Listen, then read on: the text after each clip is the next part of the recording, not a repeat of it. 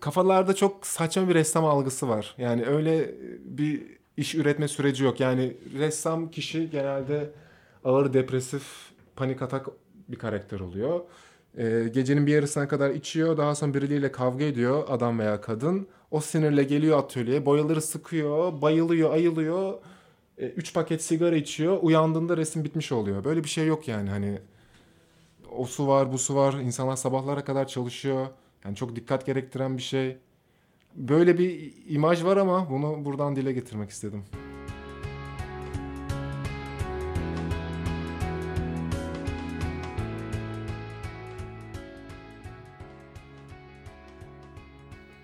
...11.18'den merhaba ben Onur Akmehmet. Bu hafta konuğum az önce sesini dinlediğiniz Halil Vurucuoğlu. Halil'in 10 yılı aşkın süredir geliştirdiği sıra dışı bir tekniği var. Az sonra bunun ne olduğuna dair de konuşacağız zaten. En azından şimdilik şunu söyleyeyim. Halil'in yaptığı resimler çok katmanlı ve çok derinlikli resimler. 11-18'de sürekli sanatçı konuklarımız oluyor. Hiçbiri birbirine benzemediği gibi üretimlerinin arka planındaki düşünme ve yaşayış biçimlerini de ortaya çıkarmak biraz bizim için bir ejderhayı ininden çıkarmak gibi. Çok farklı bir serüven ve bir o kadar da keyifli. Sonunda ejderhanın nefesini hissediyorsun. Halil 1984 doğumlu ve İzmirli. 9 Eylül Üniversitesi Güzel Sanatlardan 2007 yılında mezun oluyor. İçlerinde yurt dışı sergilerde dahil olmak üzere 6 tane kişisel sergisi var. Bunların en sonuncusu 2016'da Reborn adıyla Galeri East İstanbul'da yer aldı. Şimdi lafı daha da fazla uzatmadan konuğumuz Halil Vurucuoğlu'na dönüyoruz.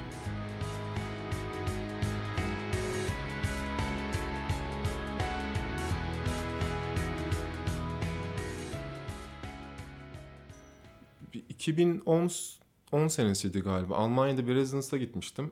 Ve 3 ay büyük bir parkın içinde büyük bir huzurevi vardı. O huzurevin yanında da müstakil bir ev atölye vardı. Aynı zamanda hem huzurevinden faydalanıyordum hem de o parkı kullanabiliyordum.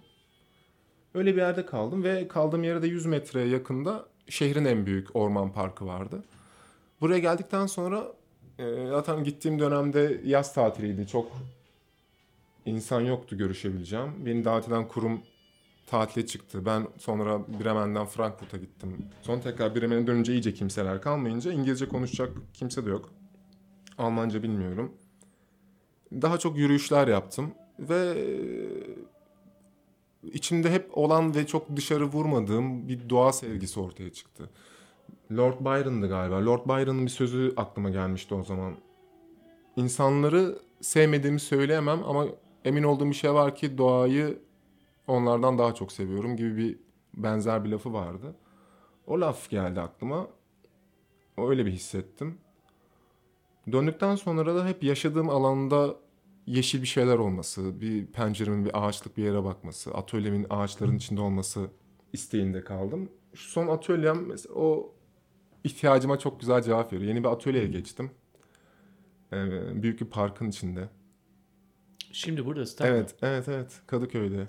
Ee, içeride bir tane kedim, kapının önünde bir 7-8 tane kedim var. Geceleri de bir iki tane köpeğim var, onlar geliyor. Baya işte yağmur, dün yağmur yağdı mesela akşam. Çıktık parkta yürüdük, kimseler yok, bomboş, sadece bize kalıyor. Bizde değil. Yani bazen arkadaşlarım vuruyor. Köpekler peki senin sahibin olduğun köpekler mi? Yok, bir tanesi parkın köpeği, dişi bir köpek. İki tanesi sahipli, onlar dolaşmaya çıkıyor. Ee, bana doğuruyorlar geceleri. Kedilerin suyundan içip gidiyorlar. ya, o şey çok güzel oldu yani kapının önünün yol olmayıp bir normal yeşillik bir park oluşu beni çok rahatlatıyor. Düz ayak galiba atölye. Evet düz, düz ayak. Yani uzun süre buradaydım. İşte bazen sırf hareket olsun diye gece çalıştığım için gündüz bir yarım saatlik istiklal yürüyüşü yapıyordum. O kalabalık ve gürültü zaten e, bütün gün dışarıdaymışım izlenimini uyandırıyordu bende. Yoğunlaştırılmış bir kurs gibi. Evet, evet. Yani ilk zamanlar o kaotik yapı eğlenceli gelebiliyor ama bir süre sonra gerçekten yorucu oluyor. Hani bu kadar insanın gerçekten işi var mı? Ne işi var burada gibi bir şey oluyor. Hani ben şunu almaya çıktım, kırtasiyeye çıktım ama bu kadar insan nereye çıkmış gibi. Kadıköy o yüzden bana çok iyi geliyor. Yani her, her şey yakın, her şey istediğim her şey yanı başında. Yürümesi zevkli, havası güzel. Denizi var. yeşili var. İnsanlar kedileri seviyor. Güzel bir yer, çok güzel bir yer. Ee, işte birkaç aydır oradayım, üretmeye başladım. Ee, plan olarak da mesela ucu açık çalıştım son birkaç aydır. Kafamda çok e, geniş çerçevede tahayyül ettim işleri. E, Öyle ürettim. Şimdi biraz daha çerçeveyi daraltıp e, sergi mekanını zihnimde görmeye ve bu mekanın içine gezmeye başladım. Yavaş yavaş resimleri yerleştirmeye başladım. İşte şimdi o daha sezgisel ve geniş çerçeveli değil de artık o bunca zaman okuduklarım biraz daha temize çekip yazmalı, daha muntazam çalışıp artık kafamdaki planlarını çıkardığım resimleri yapıp ya da işleri üretip 2018 içinde sergi yeni bir sergi açmayı planlıyorum.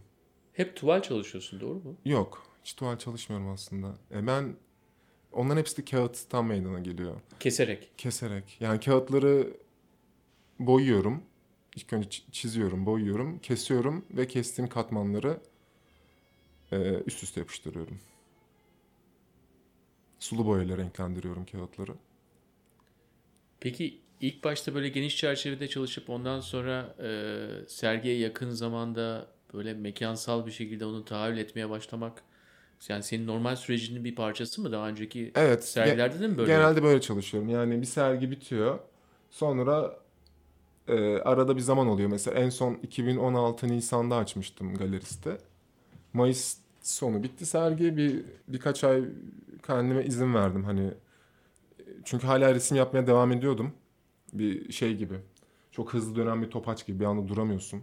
Yani sergi açıldı bitti ama ben sergi açıldıktan bir hafta sonra resim yapmaya tekrardan başlamıştım. Kafamda başka şeyler var. Artık başka devamlarını yapıyorum. İler, ileriki aşamalarını deniyorum. Sonra dedim bir sakin olayım, bir durayım. Bir süre resim yapmayayım. Ee, şey dönemine girdim. Bazılarını sulu boyalarından, bazılarını de- desenlerimden imgesel ya da bazıları da internette benim çekmediğim e, dış Anonim mekan. resimler. Evet, anonim doğa fotoğraflarından alıp dönüştürdüm. Sonra dedim hani bunu da yapmayayım. Çünkü sonuçta o fotoğrafı da gidip ben çekmedim. Yani Kuzey Amerika'ya gidip şeytan kayalıklarını çekmedim. Öyle bir imkanım yoktu. Ya kendi çektiğim fotoğraflardan yapayım dedim. Ya da iki buçuk metrelik masam vardı. O anda resim yapmadığım için müsaitti masam. Masanın üzerine düzenek kurup maketler yaptım. Dış mekan maketleri. Kendime bir vadi yaptım. İşte kendi istediğim renkte dağlar, istediğim bitki örtüsü. Bunlar bizim bildiğimiz şekilde yani kartondan mı yapıyorsun peki bunları? Strafor, karton, strafordan. köpük. Ee, bir de zaten renkleri önemsemedim ve maket olarak da sunulacağım için enteresan malzemeler de kullandım. Peki bu kimseye sunulmak için yapılmış bir şey değil değil mi? Yok, zaten hepsini bozdum. Sonrasında bozdun. Ee, peki bunları yaparken neye önem veriyorsun? Hani mesela seçtiğin materyalin nasıl eline geleceği senin için önemli mi yoksa tamamen görsel bir çalışma mı o? Aslında şöyle, e, başlangıç şuydu.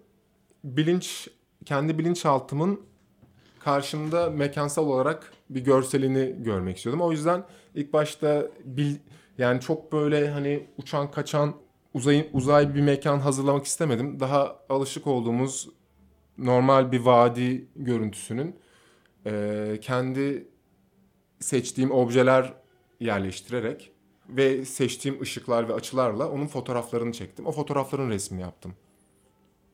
Peki ilk önce sende beliriyor. Ondan Evet. sonra makete gidiyor. Evet. Ondan sonra fotoğrafa, ondan Ondan- sonra son işe. Evet. Ve aradaki bütün basamaklar da yok ediliyor. O fotoğraflar duruyor mu? Fotoğraflar duruyor. Ha, duruyor. Fot- ve bayağı bir fotoğraf var. Sonra kafamda başka bir renk skalası vardı ve o renk skalasını vermek için de her renge her renk için başka bir kağıt katman olsun istedim ve bayağı derin yüksek resimler oldu. Uzun da sürdü. Sonra bir süre durdum yine. Hani zaten elimde fotoğraflar var. Bu resimleri yapıyorum. Böyle bir yeni seri var sergi sonrası bunu yapabilirim ama iki tane yaptım. Bir durayım. Çünkü kafamda başka bir şeyler de var. Onları denemek istiyorum ve sadece bunlara ağırlık versem zamanım yetmeyecek. Sonra ne gerek var dönemine girdim ben. Ona ne gerek var, buna ne gerek var. Aklıma bir sürü şeyler geliyor. Hani böyle bir ara blog spot açmayı planladım takma bir isimle. Hani e, fikri olmayan sanatçılara tavsiyeler diye. Bir sürü fikir geliyor aklıma ve Hani ona ne gerek var, buna ne gerek var, şuna ne gerek var. Sonra yine bir süre bir şey yapmadım. Bir dakika şimdi bunu biraz deşelim yani. Neye gerek varın cevabını veriyor musun? Gerek var veya yok diye.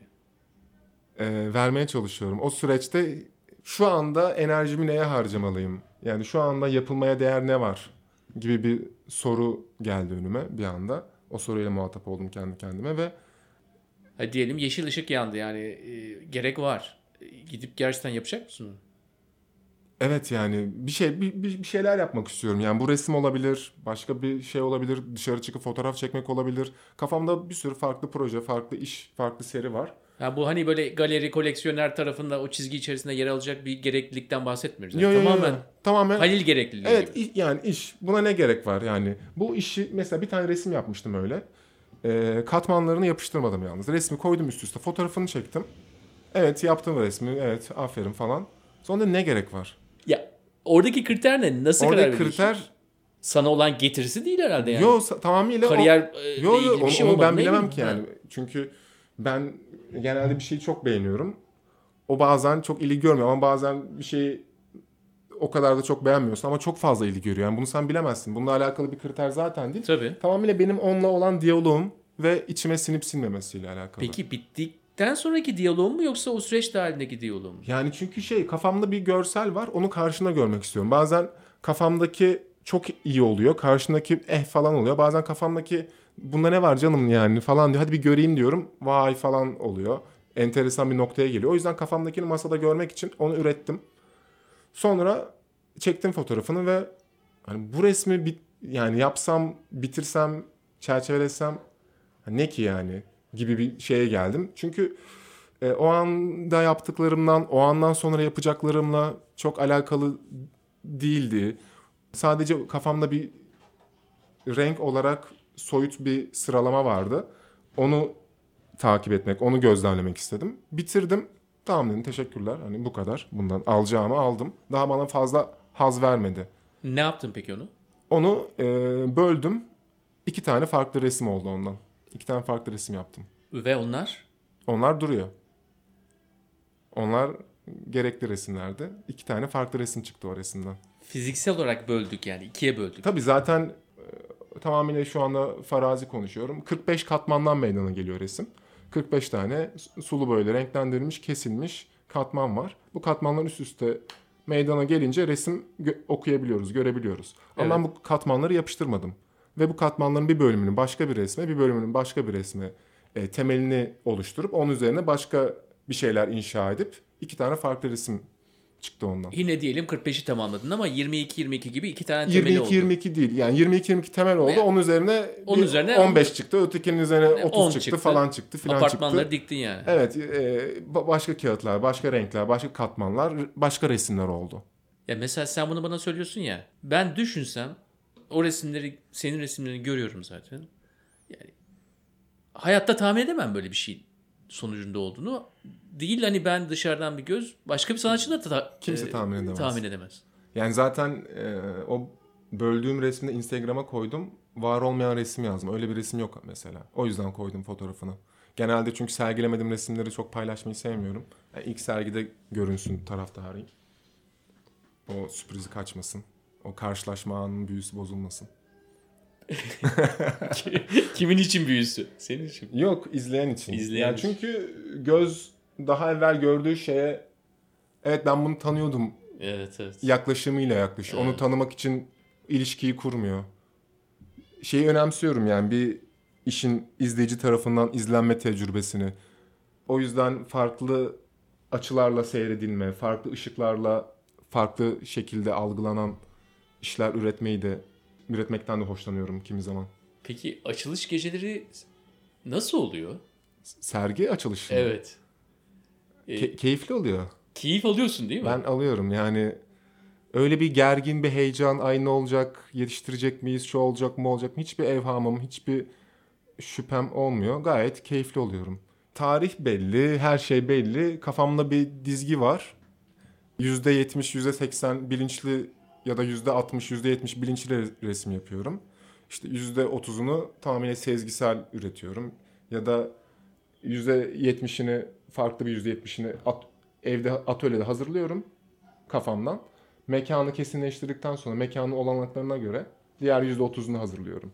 Böyle olunca mekan daha uyumlu bir sergi oluyor. Bir de işlerle uzun süredir diyalog kurduğum için yani şey yapmıyorum mesela bir resim bitirip paket yapıp bazen atıyorum altlara gözünden kaybolsun diye bazen sadece üzerini kapatıp kenara koyuyorum. Onunla ara ara dönüp tekrar bakabilirim. Bir şeyini değiştirebilirim. Hala son noktasını koymadım. Daha oy- oynamaya devam et- ettiğim resimler oluyor öyle. Sergi günleri de tüm bunların sonucu olduğu için artık o gün keyfini çıkarmak kalıyor geriye. Zaten yoğun oluyor. Normal sosyal münasebet Evet tarafı so- başlıyor. sohbet etmeye çalışıyorsun. Bir şeyler oluyor. Bir kalabalık bir hengame bir furya. Gözünü açtığında saat 10 oluyor zaten. Çıkıyorsun mekandan. Eğleniyorum. Birçok kişi eğlenemiyor çünkü. Evet, Ya böyle son bir- dakika kararlar oluyor, değişiklikler oluyor. Oluyor. he- Her şey oluyor. Her şey olabiliyor. Sosyal anksiyetenin de e, en yüksek noktaya vardığı zamanlar da olabiliyor bazıları için. Ben çok rahat oluyorum nedense. Yani ne bileyim çok eğlenceli oluyorum. Rahat oluyorum. Hatta doğum günü kutlamayı sevmiyorum. İşte iki gün önce doğum günümdü. Kutlamadım. Yani kutlamadım dedim özel bir şey yapmayı sevmiyorum. Atölyemde takılıyorum. İşte gelen pastasını alıp geliyor. Öyle sohbet, muhabbet, eğleniyoruz. Ne kadar şeffafsın peki bu konularda? Yalnızca biz burada oturuyoruz ve güvenli bir ortamda olduğumuz için mi sanatçılık süreci hakkında şeffafsın? Yoksa genelde de hani böyle anlatır mısın bunları? Neyleri? Mesela ne tür süreçlerden geçip son ürüne geldiğine dair. Anlatırım. Yani bir mahsuru yok benim için. Yani hatta olabildiğince şeffaf ve sade olmaya çalışıyorum. Çünkü anlatmak bana da iyi geliyor. Kafamdaki bazı net olmayan alanları netleştiriyor. Yani bir şeyi ne kadar doğru ifade edebiliyorsam o zaman ben de onu doğru anlamışım diye bir mantığım var. Hı. O yüzden eee, açık olmaya özen gösteriyorum. Ne kadar açık olabiliyorum onu tabii ki bilemem. Peki yani bunu biraz işten soruyorum yani. Hep mi böyle sakinsin ve hani e, olayın anksiyete tarafı acaba çıkıyor mu diye merak ediyorum.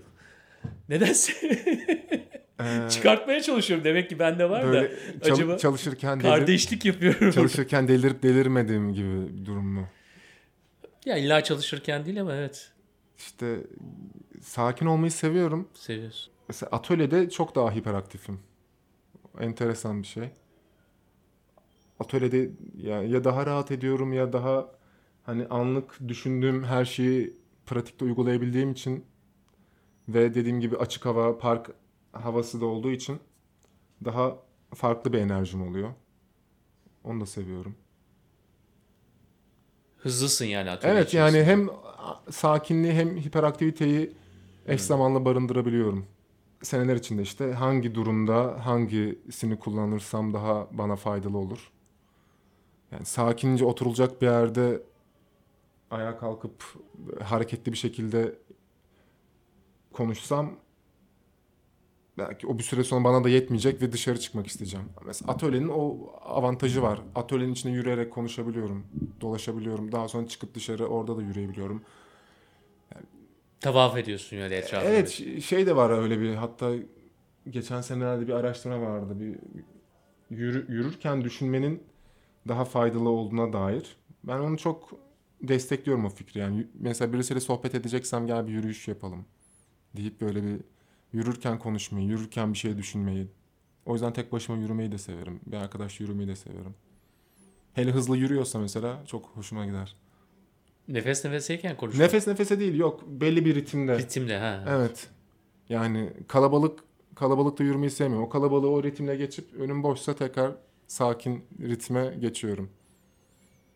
Bazen motor kullanıyormuşum gibi hissediyorum kalabalıkta yürürken. Hiç hızımı düşürmeden aralardan akıp gideyim, orayı bir geçeyim, sonra hedefe ulaşayım.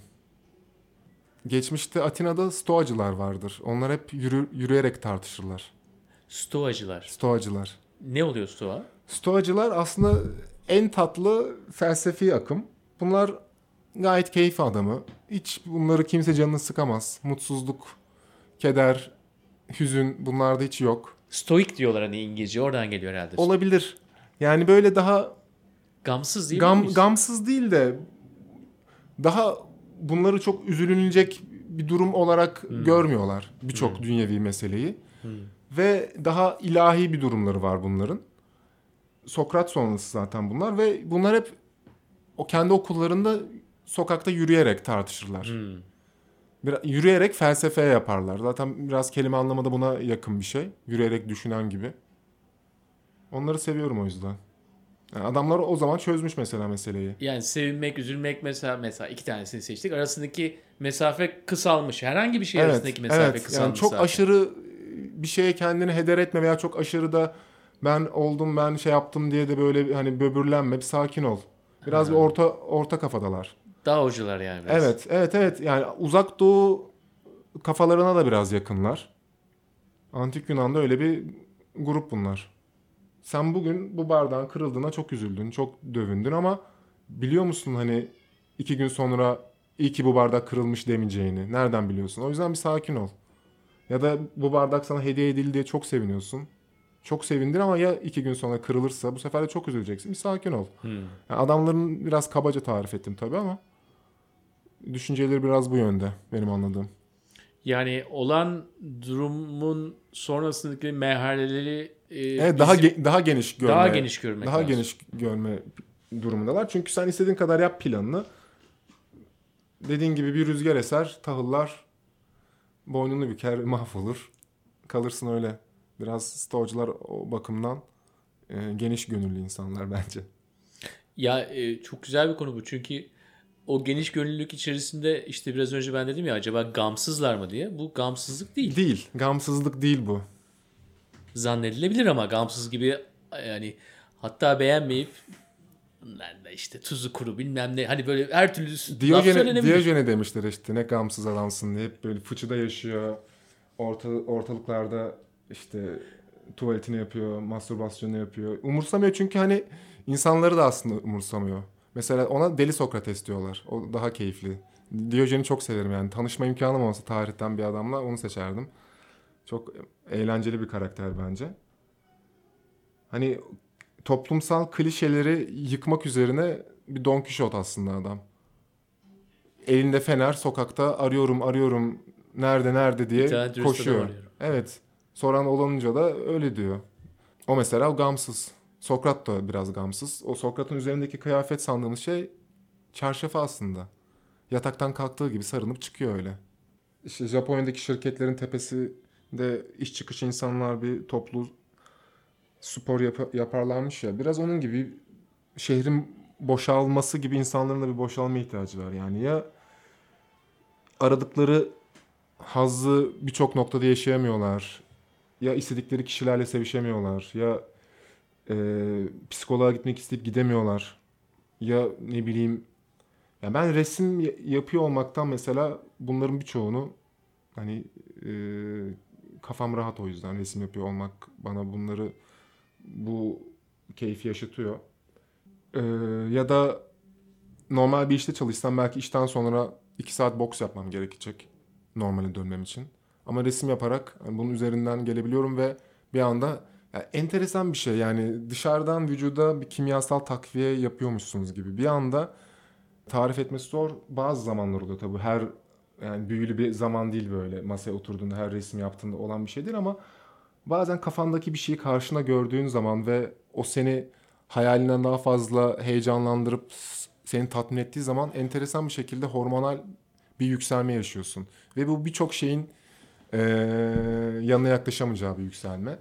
E, Bu otomatikman daha keyifli bir hale sokuyor işi.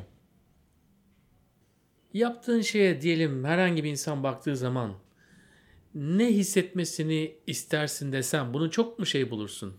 Ya ben onu önceden ta- e, tahmin edemem veya onu önceden e, ben belirleyemem. Çok bilmiyorum. planlayamam mı dersin yoksa hani Biraz tahmin olabilir. Ha. Biraz bir fikrin olabilir. Yani çünkü kaba taslak şöyle tarif edebilirim kafamda işler çıkarken. Ya aydınlıktan beslenen bir taraftan ilerliyor ya karanlıktan.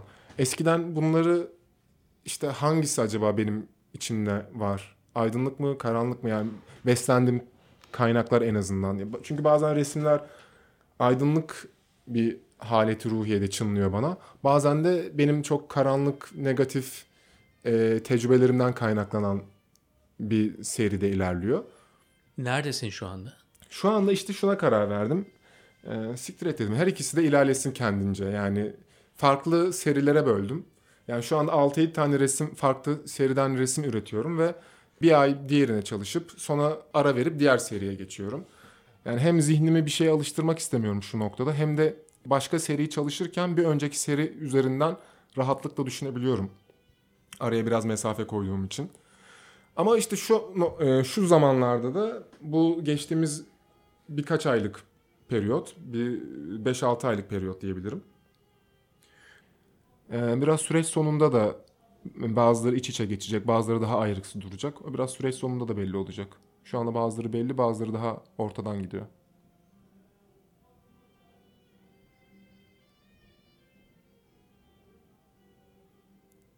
Ya kolay kolay formüle edilebilecek birisi değilsin ya ben sana bunu söyleyeyim.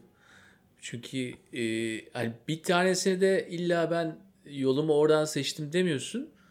Hani bu disiplin içerisinde hepsine bir yer buluyorsun yani. Yani potansiyellerin Evet. önünü tıkamak istemiyorum. Evet, yani evet. aklıma gelen her şeyi zaten yapmama imkan yok. Not edip en yapılabilecek olanları, en hani karşına görmekten nedir bu hani istencin altında yatan neden onu bir araştırıp karşına görmeye değer olanları üretmeye çalışıyorum.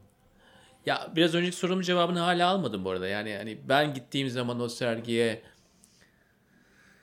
A sergisine veya 3 yıl sonrası e, B sergisine gittiğim zaman e, bana ne vermek istediğine dair bir şey var mı? Var, Onu var. yazılaştırabilir miyiz? Veya Var. Yani kaba ta- tabir yani kesinlikle otomat şu duyguyu hissetsin bakan gibi bir şey değil de Tabii. yani şu kanalını harekete geçirsem e, geçir geçirebilirim veya şu kanal şu kanal harekete geçebilir diyeceğim bir şey olabilir. Onun da kaynağı şu. Ben o resmi yaparken benim o kaynağım harekete geçtiği için yani ben buna bakarken şeffaflık veya saydamlık hissediyorsam muhtemelen bir başkası da hissedebilir gibi olabiliyor. Ha, böyle simbiyotik bir şey yani. Senle benim aramdaki böyle bir birleşiyoruz yani. Ruh kardeşliği gibi bir Evet şey hatta oluyor. çoğu kez şeyi severim mesela e, yani o resmi ben yaptım falan filan ya da resmin Ha. önünde durmayı da sevmem. Evet anladım. Kişi bir baksın resme, bir kendi kendine bir onunla bir ilişkiye girsin, bir diyalog kursun. Daha sonra ben ortak düşüncelerimiz ortaya çıkarsa, meydana çıkarsa o zaman diyaloğa girme taraftarıyım. Yani çok onun da hayır orada bu değil bu var falan çok yapmamaya gayret gösterdiğim bir şey. O zaman sen bayağı insanlar arasındaki iletişime çok önem veriyorsun. Yani onu bir araştıracak kadar da zaman zaman insanlar demeyeyim yalnızca. İnsan, doğa neyse yani bir birleşmeyle ilgili bir şey Çünkü var. çok sürpriz cevaplar çıkabiliyor. Yani e, resimde zaten bir şeye ne kadar yakın bakarsan aslında çok az şey görürsün. Resimde de bu böyledir. Yani burnunu kağıda dayayıp resim yapamazsın. Ara sıra duvarın karşısından odanın öteki tarafından resmi izlemen gerekir. Şimdi bir resimle ya da bir hadiseyle çok burun buruna uzun zaman geçirdikten sonra odaya ilk kez girip o alanın dışında birisi bile ha şurası şöyle olmuş diyebilir. Ve onu çünkü ilk kez gördüğü için o barizlik, o, o fark ona çok bariz bir şekilde e, kendini gösterebilir. Ee, bu kavramlar konusunda da böyle, hayat konusunda da böyle. Yani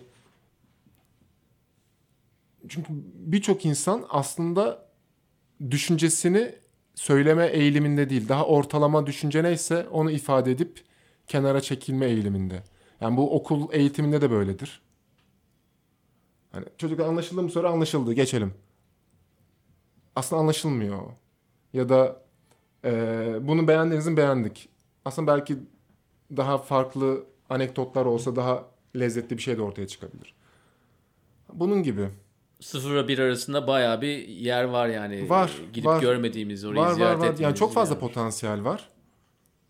Yani çünkü sonuçta hayata bir kere geliyorum benim düşüncem o. O işin altında da imzam olduğu için hani içime sinen bir şey çıkartayım atölyeden. Hani bir şey çıkması için, olması için olmasın.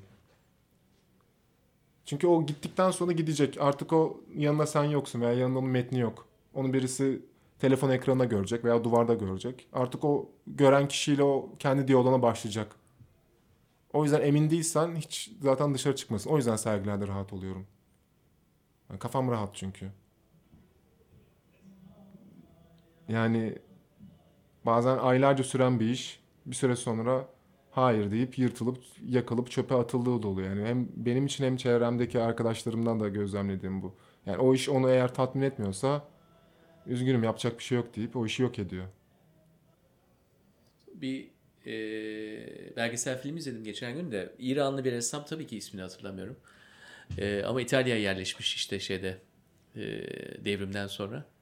30 yıl boyunca İtalya'da bir otel dairesi, otel odasında yaşıyor. E, bu örneği vermenin nedeni de işte e, İran da zor bir ülke, Türkiye de zor bir ülke. E, ya zor ülkelerin şöyle bir avantajı var mı diye düşündüm. Hani diyorsun ya burada bu işi yapmak kolay değil diyorsun. Avantajı var mı? Hani böyle bir yerde böyle bir Avantajı şey da yapmak. olabilir tabii. Avantajı yani avantajı ama şöyle bir avantajı var. Görünürde avantaj gibi gözükmeyen avantajları olabilir. Yani senin o işi daha rahat üretebilmen, o işi, o işi yaptığın işi daha rahat gösterebilmen, daha fazla insana ulaşabilmen gibi bir avantaj değil bu. O işinle daha çok baş başa kalabilme gibi bir avantajım var. Çünkü o kadar yani ben eee dediğim gibi hani eğer hiç resim yapıyor olmayan bir insan olsaydım veya işim elimden hiçbir şey gelmeyen bir insan olsaydım normal işte direkt masa başı, başı hesap hop hop Word Excel hop eve gel falan. Ee, büyük sıkıntılarım olabilirdi benim psikolojik olarak. Daha sinirli bir insan olabilirdim. Ee, daha düşüncesiz de bir insan olabilirdim. Yani sıkıntı kendim için görüşüm bu yönde. Yani kendimi tanıdığım için. Ama şu anda öyle birçok şey yani keyfimi kaçıramayacakmış gibi geliyor bana ya da birçok şey hani üzerine çok düşünülmeyecekmiş gibi geliyor. Günlük sıkıntılar. Özünde çünkü dönüp oturacağım bir durum var, masa var, uğraş var. Ee, yani o etrafın bu sıkıcı oluşu, kötü oluşu senin o masaya gitmeni kolaylaştırıyor. Avantajı bu. Senin kendinle baş başa kalmanı kolaylaştırıyor. Çünkü senin kendinden uzaklaştırabilecek çok fazla bir alternatif yok. Hani yani büyük heyecanlar, büyük hazlar yaşayabileceğin az bir durum var. Çok fazla olmadığı için oradan çok uzaklaşmıyorsun. Tek avantajı bu. Yani aynı bazı işler var. Bazı memleketlerde çok daha pratik, çok daha rahat yapılabiliyor. Dediğin gibi hani artistik yapma lan diye bir sözün Artistik yapma lan mı? Evet, öyle bir sözün söylendiği bir yer Evet. burası. Kes sesini, edebiyat mı yapıyorsun veya felsefe mi yapıyorsun gibi küçümsenen bir sözün üretildiği bir coğrafya. O yüzden zaten hani böyle sözlü diller yani sen ne yapıyorsun? İşte şiir yazıyorum. Üzülüyorlar sana. Çünkü ekmek kazanamayacaksın ama belki birçok insanın hani ifade edemediği bir şeye derman olacaksın veya ne yapıyorsun? İşte e, mikroskopla bir şeyler inceliyorsun. Hani kalk bir şey yap falan ama belki iki sene sonra bir ilaç çıkacak oradan ve çok başka bir şey olacak. Hani hemen her şey hemen olsun ve pratik olsun. Ne bu? İşte öğretmen ol. Hani bir 90'ların algısı vardı böyle farklı meslekler. Hani şey olmadı işte. Yani bir güncel, güncelleme olmadığı için hani kalk yazılımcı ol diyen kimse yok mesela çocuğuna. Halbuki işe yarıyor yani. Tabii. A'dan B'ye götürür seni. Tabii. Ya 14 yaşında para kazanmaya başlar yani. Ama yazılımcı ol demiyorlar. Evet olsa olur yani. 17 yaşında işte satar şirketi. Henüz güncellememişiz yani onu şey. Evet. Mühendis ol, doktor ol devam ediyor da. Şey var işte yetenek yarışmasına katıl.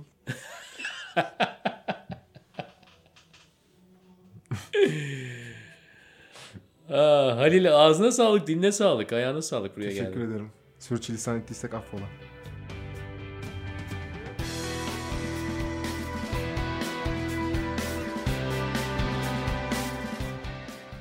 Dışarıdaki dünya var olmaya, yaratmaya elverişli değilse ya bunu bir avantaja çevireceksin. Daha da içine kapanıp işlerine odaklanacaksın. Veya az önce biraz önce adını hatırlayamadığım İran'ın Picasso'su olarak bilinen Bahman Muhases gibi çekip gideceksin, başka yerlerde yaratmaya devam edeceksin. Çoğumuz bir sanatçının üretirken yok ettiğini aklımızdan geçirmeyiz ama zaman zaman Halil'in yaptığı gibi Bahman da yaptığı birçok eseri kendisi yok eden bir sanatçı olarak tanınıyordu. Evet, Ejderhanın nefesini hissettiniz mi bilmiyorum ama benim için çok keyifli ve farklı bir söyleşi olduğu kesin. Halil'e çok teşekkür ediyorum. Bu söyleşi hoşunuza gittiyse ve sanatla ilgiliyseniz sitemizin arşivine lütfen dikkat edin. Sanatçılar Canan, Şükran Moral, İsmet Doğan ve Rafet Arslan ile yaptığımız söyleşilerde ilginizi çekebilir. Konu ve konuk önerilerinizi bize gönderiyorsunuz. Çok teşekkür ederiz. bilgi.1118.com adresinden. Aynı zamanda programlarımızla ilgili görüşlerinizi Facebook sayfamızdan bize iletebilirsiniz. Konuklarımıza eğer mesajlarınız varsa bize iletebilirsiniz.